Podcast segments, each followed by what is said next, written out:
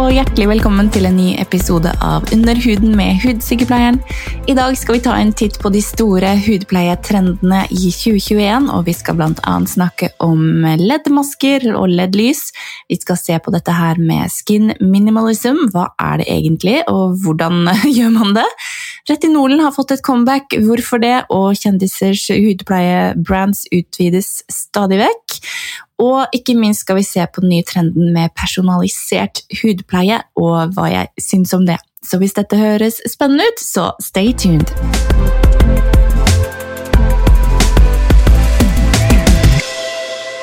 Det er ikke så lenge siden jeg fikk et spørsmål på Instagram, hvor det var en følger som spurte kan du være så snill å fortelle litt om dette her med LED-masker. Det har jo blitt veldig trendy nå. Og jeg husker allerede i 2017, eh, når jeg startet eh, for fullt i denne estetiske medisinske bransjen, så var jo eh, Eller det mer sånn lys, da. Sånne bokser som man setter over ansiktet på pasienter. Det var på en måte allerede begynt å komme så vidt. Så, men det var nok først i 2018 det tok, tok litt av. Um, nå har det jo blitt utviklet masker som man kan legge på hjemme med sånne LED-diodelys. Sånn man kan oppnå den samme, nærmest den samme effekten hjemme som det man gjør i klinikk. Um, det fins jo mange forskjellige leverandører av dem. Vi kan jo først se litt på hva det faktisk er. Um, LED eh, betyr jo egentlig bare Light Emitting Diode, altså diodelys, um, egentlig. Og det er jo veldig sånn ikke-invasiv anti-age hudpleiebehandling som vi ofte kan bruke som et ledd i en annen type behandling, f.eks. etter en, en, kombinasjonsbehandling med typ mikronidling, mesoterapi, laser, sånne type ting. Fordi det man ser, er jo at disse LED Altså lyset da, som slippes ut, det stimulerer kollagendannelsen i huden. Og kollagendannelsen i huden vår, den stopper jo litt opp, blir svakere og svakere fra, fra vi er fylt 25 eh, år og, og jo, jo lenge vi lever. Så det å kunne stimulere de cellene som lager kollagen på jevnlig basis, gjerne med LED-lys, eh, kan jo være en veldig fin greie, egentlig. Um, som sagt, Tidligere så har det på en måte vært noe som man har gjort i klinikk, men nå er det jo utviklet uh, mange at home devices for det. Som man typ bare legger over ansiktet sitt, slapper av litt med den på. Um, men sånn, hvor stor effekt den faktisk har, det er jo man, man, ser det jo kanskje best i et mikroskop, men det er jo, det er jo sånn at LED-lyset Man ser, ser, jo at det har en effekt. Um, og det har blitt anerkjent av, um, av journals um, som, som, skriver om forskningen bak det. Det har det absolutt. Helt klart. da har du jo ofte et blått Eh, LED-lys og et rødt LED-lys. Og det røde lyset stimulerer kollagenproduksjonen i dermis, som sagt, mens eh, det blå LED-lyset går mer på å redusere bakterien på huden din som kan skape akne. Mens begge lysene er gode på å dempe inflammasjon og inflammasjon har man jo ofte i huden som man kan se det som rødhet, f.eks. hvis man har akne da, eller rosacea eller rett og slett har en irritert og sensitiv hud, så kan jo det være en fin greie å gjøre. Um, ja, for det blå lyset er da litt sånn antimikrobialt, ikke sant? det er derfor det hjelper på bakterien. Så jo, man ser jo ofte på typ TikTok og Instagram at eh, diverse kjendiser promoterer og fronter ulike behandlinger, og det er jo ikke så rent sjelden man ser noen ligger i et eh, LED-lys eller har på seg en sånn fancy maske hjemme. Og, og LED-lys har jo blitt brukt ikke kun kosmetisk, men også medisinsk til bl.a. Um, psoriasis, eh, basalcellekarsinom eh, Sånne type ting kan ha god effekt av LED-lys. Men eh, ja, mest brukt i forhold til anti-age og akne og sånne type ting. Mm. Så, men det er jo en trygg greie. Det er jo sånn at det er ikke som et solarium hjemme. De bruker jo Altså, alle stråler har Alle lys har en bølgelengde, men i et, um, i et LED-apparat så er det jo ikke de bølgelengdene som skader huden uh, på samme måte som det solen gjør. Da. Så det skal være veldig, veldig trygt. Det man kan se litt etter, er hvis man vurderer å kjøpe en sånn LED-device, er å se om den er godkjent av FDA. FDA er et organ i USA, står for Food and Drug Administration, og de er veldig, veldig strenge i forhold til hva som får den godkjennelsen. Um, apparatet burde også være CE-godkjent. Um, det er også et sånn trygghetsstempel, så se etter sånn FDA approval og CE-godkjenning. Og så er det jo alltid lurt å snakke litt med din eh, dermatolog eller hudsykepleier eller hudpleier om det er en god idé for din hud. Det er jo ikke alle som har um, Det er ikke en god idé for alle, um, men for mange kan det være det. Det er jo på en måte noe som er godt dokumentert at fungerer. Um, Sånn at har man lyst og mulighet og råd, så ville jeg nok uh, kanskje gitt det en sjanse, ja. Absolutt. En annen stor trend som har kommet i 2021, er dette med skin minimalism, eller skinimalism, som det også kalles. Det blir jo et, eh, et direkte resultat nesten fra det at vi har gått, eller går gjennom en, en stor pandemi. Um, og man, man, ser litt to ganger på hva man bruker penger på, man, man, er hjemme og reconnecter litt med seg selv. Har ikke behovet for den eh, fulle rutinen lenger. Eh, så nå er det egentlig litt trendy å gå litt ned på antall produkter. Det er trendy å la hudens naturlige tekstur skinne gjennom. At man på en måte ser ut som et menneske og ikke har masse, masse kakete sminke på. Og det er jo veldig gledelig, egentlig. Jeg tenker at en sunn og frisk hud, um, uansett om man har akne, pigmenter, fregner Uansett så tenker jeg at det er så godt for huden å ikke puste. Altså, huden puster ikke, uh, men at den får liksom gå litt uten et tjukt lag med sminke på.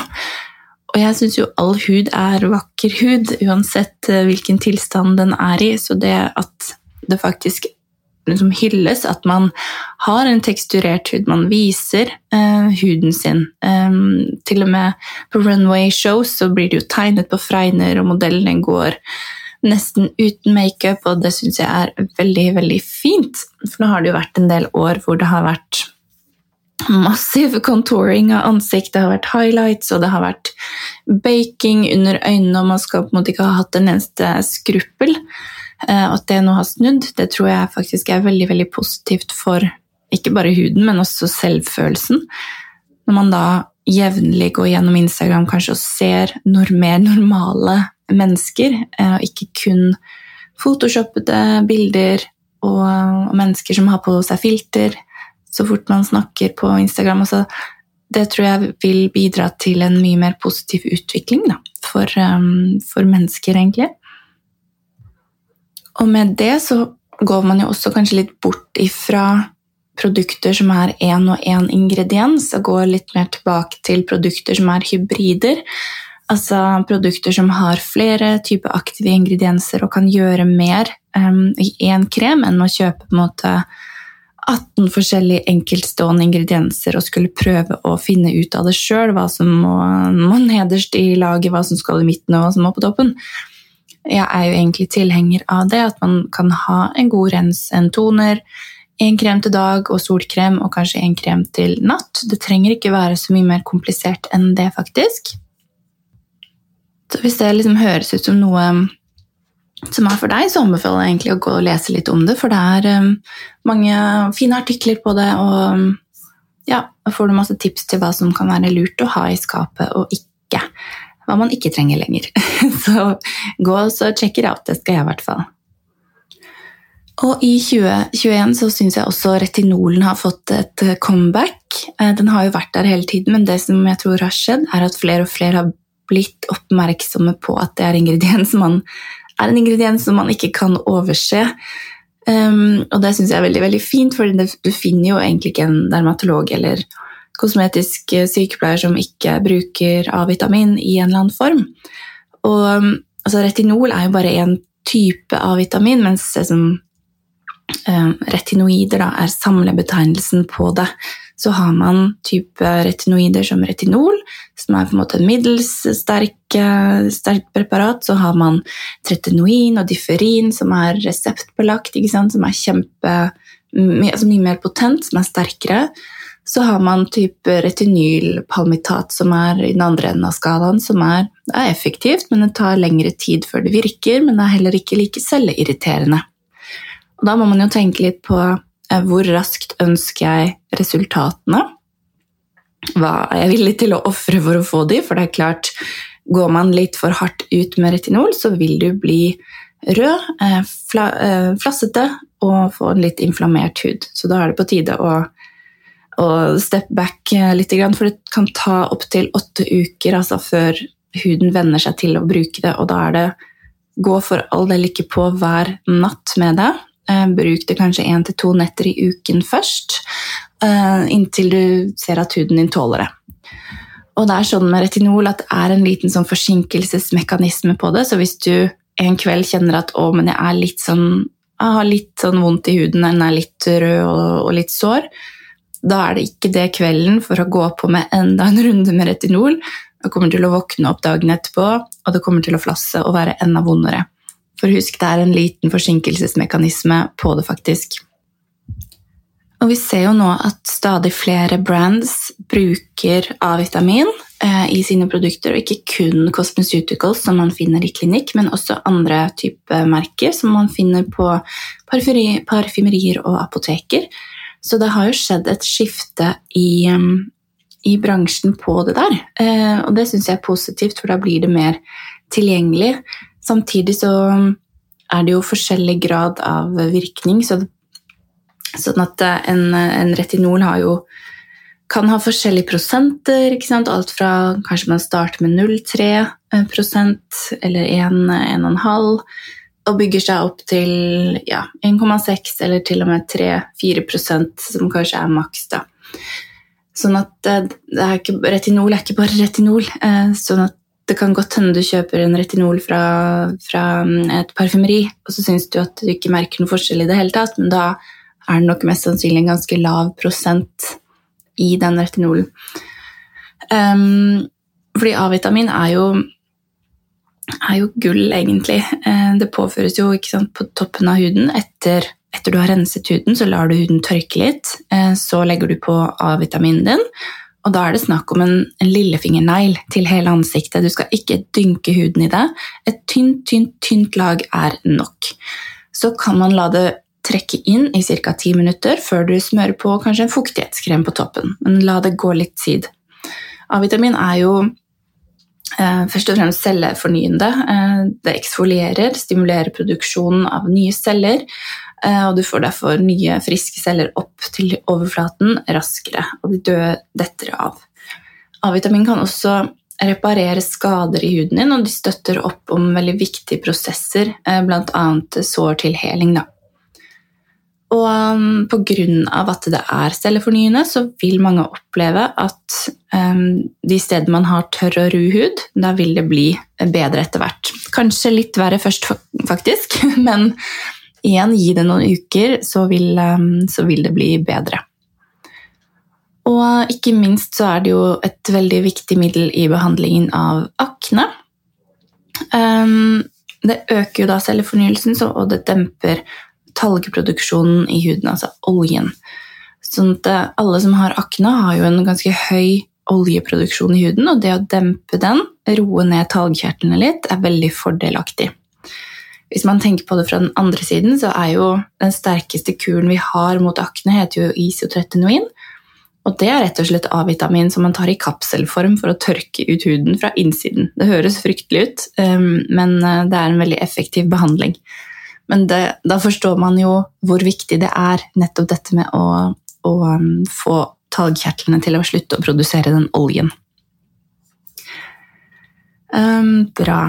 Um, det er jo ikke til å stikke under en stol at A-vitamin er noe mange bruker for aldring. Um, igjen, altså dette stimulerer jo kollagenproduksjon i huden, uh, som da, ikke sant, som vi vet, avtar etter fylte 25 år.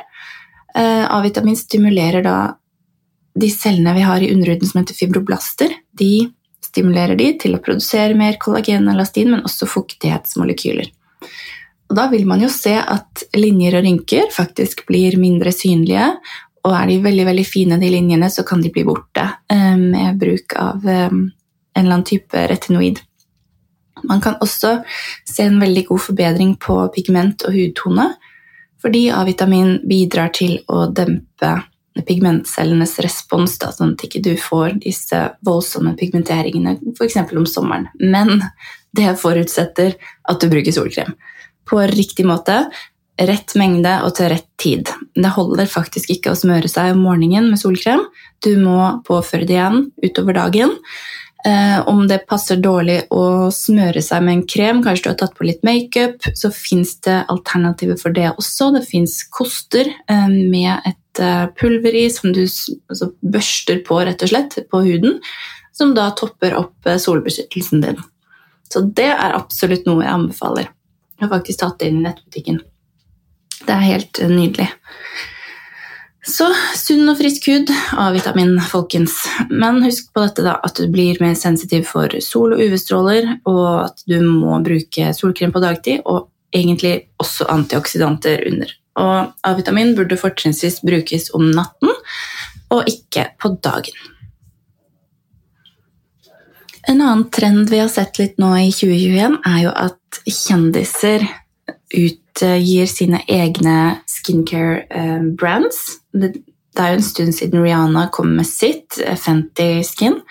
Men nå har vi også sett at eh, J.Lo, Pharrell, Alicia Keys ja, Alle disse har startet med hudpleieprodukter. Og spesielt har man jo kanskje reagert på Jennifer Lopez eh, sin, eh, sin skincare, fordi hun claimer at hennes ungdommelighet kommer fra bruk av eh, olivenolje. Og jeg tror vi kanskje kollektivt i denne bransjen her tenker at det kan være andre ting som har bidratt til det, da, for å si det sånn. Men igjen, det, you never know.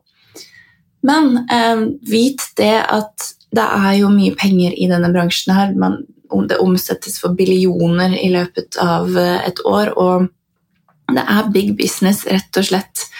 Så alle har en hatt på når de snakker til deg om et produkt, så vær litt forsiktig og, og gjør litt research.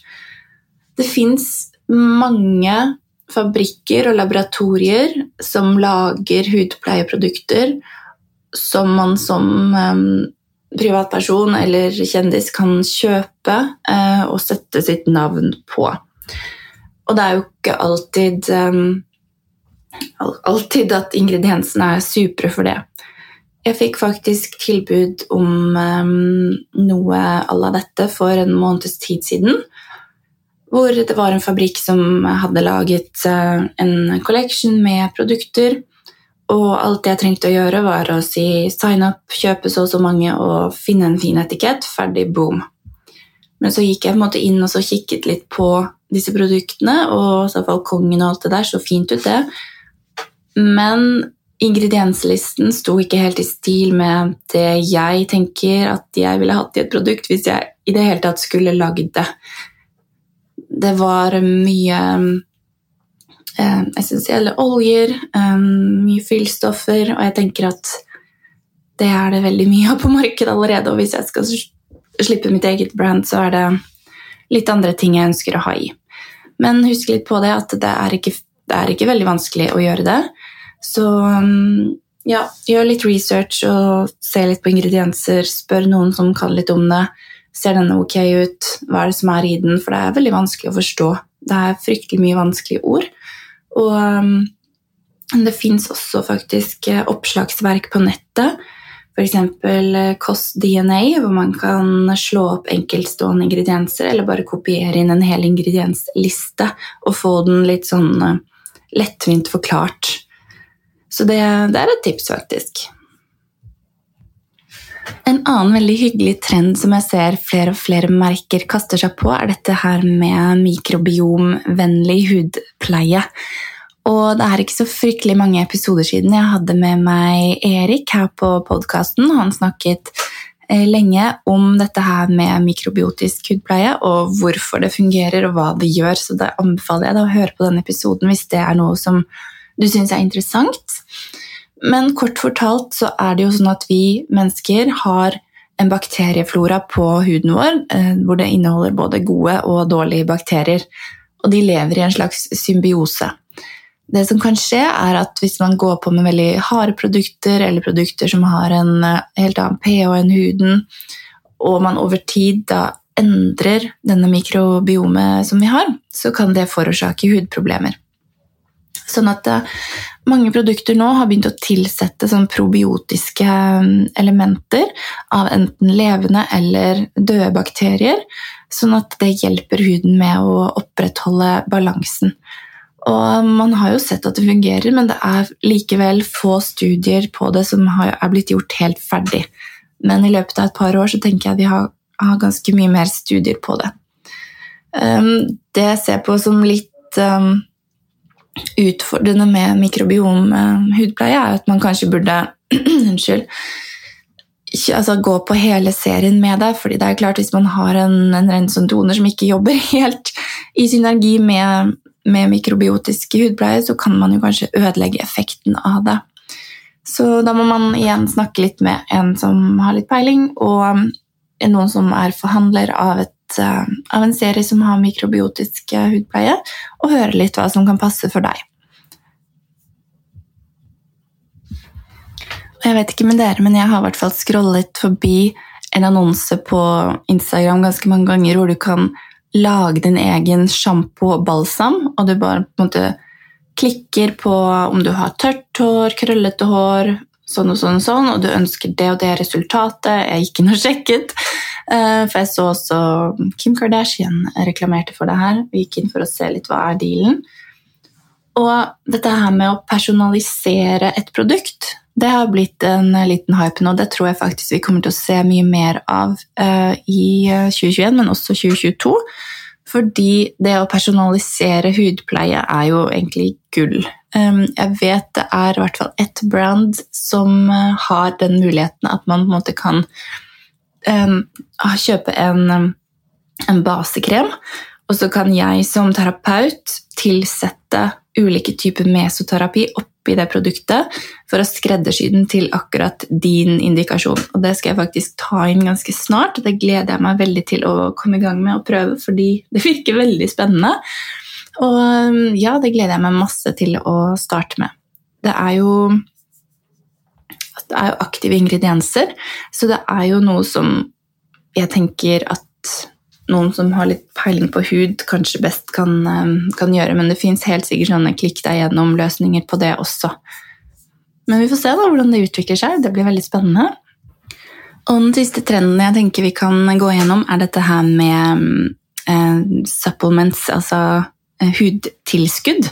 Ta en pille, få fin hud. Det er jo mm, høres jo veldig forlokkende ut, egentlig.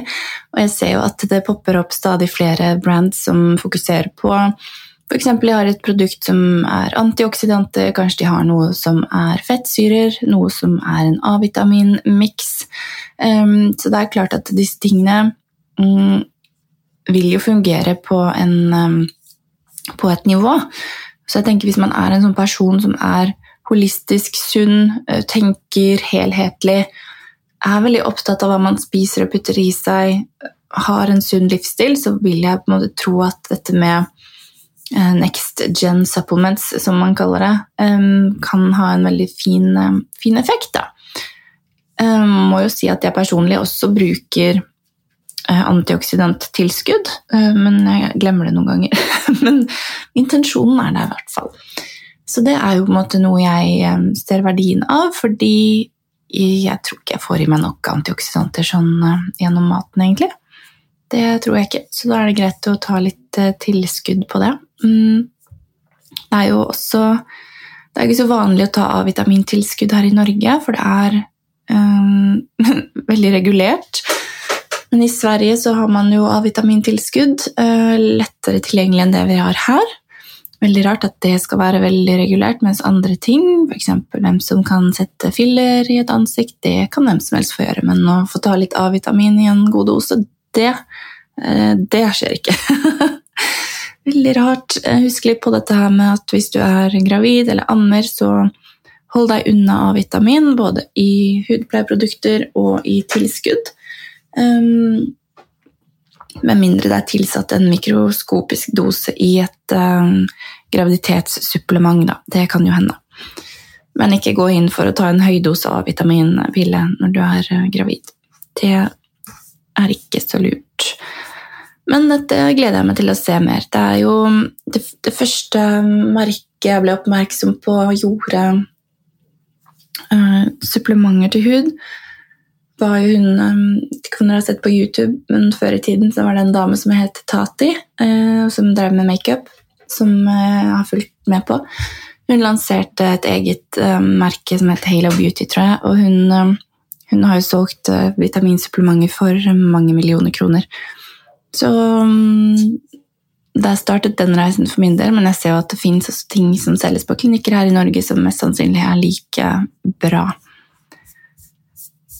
Men det er veldig gøy.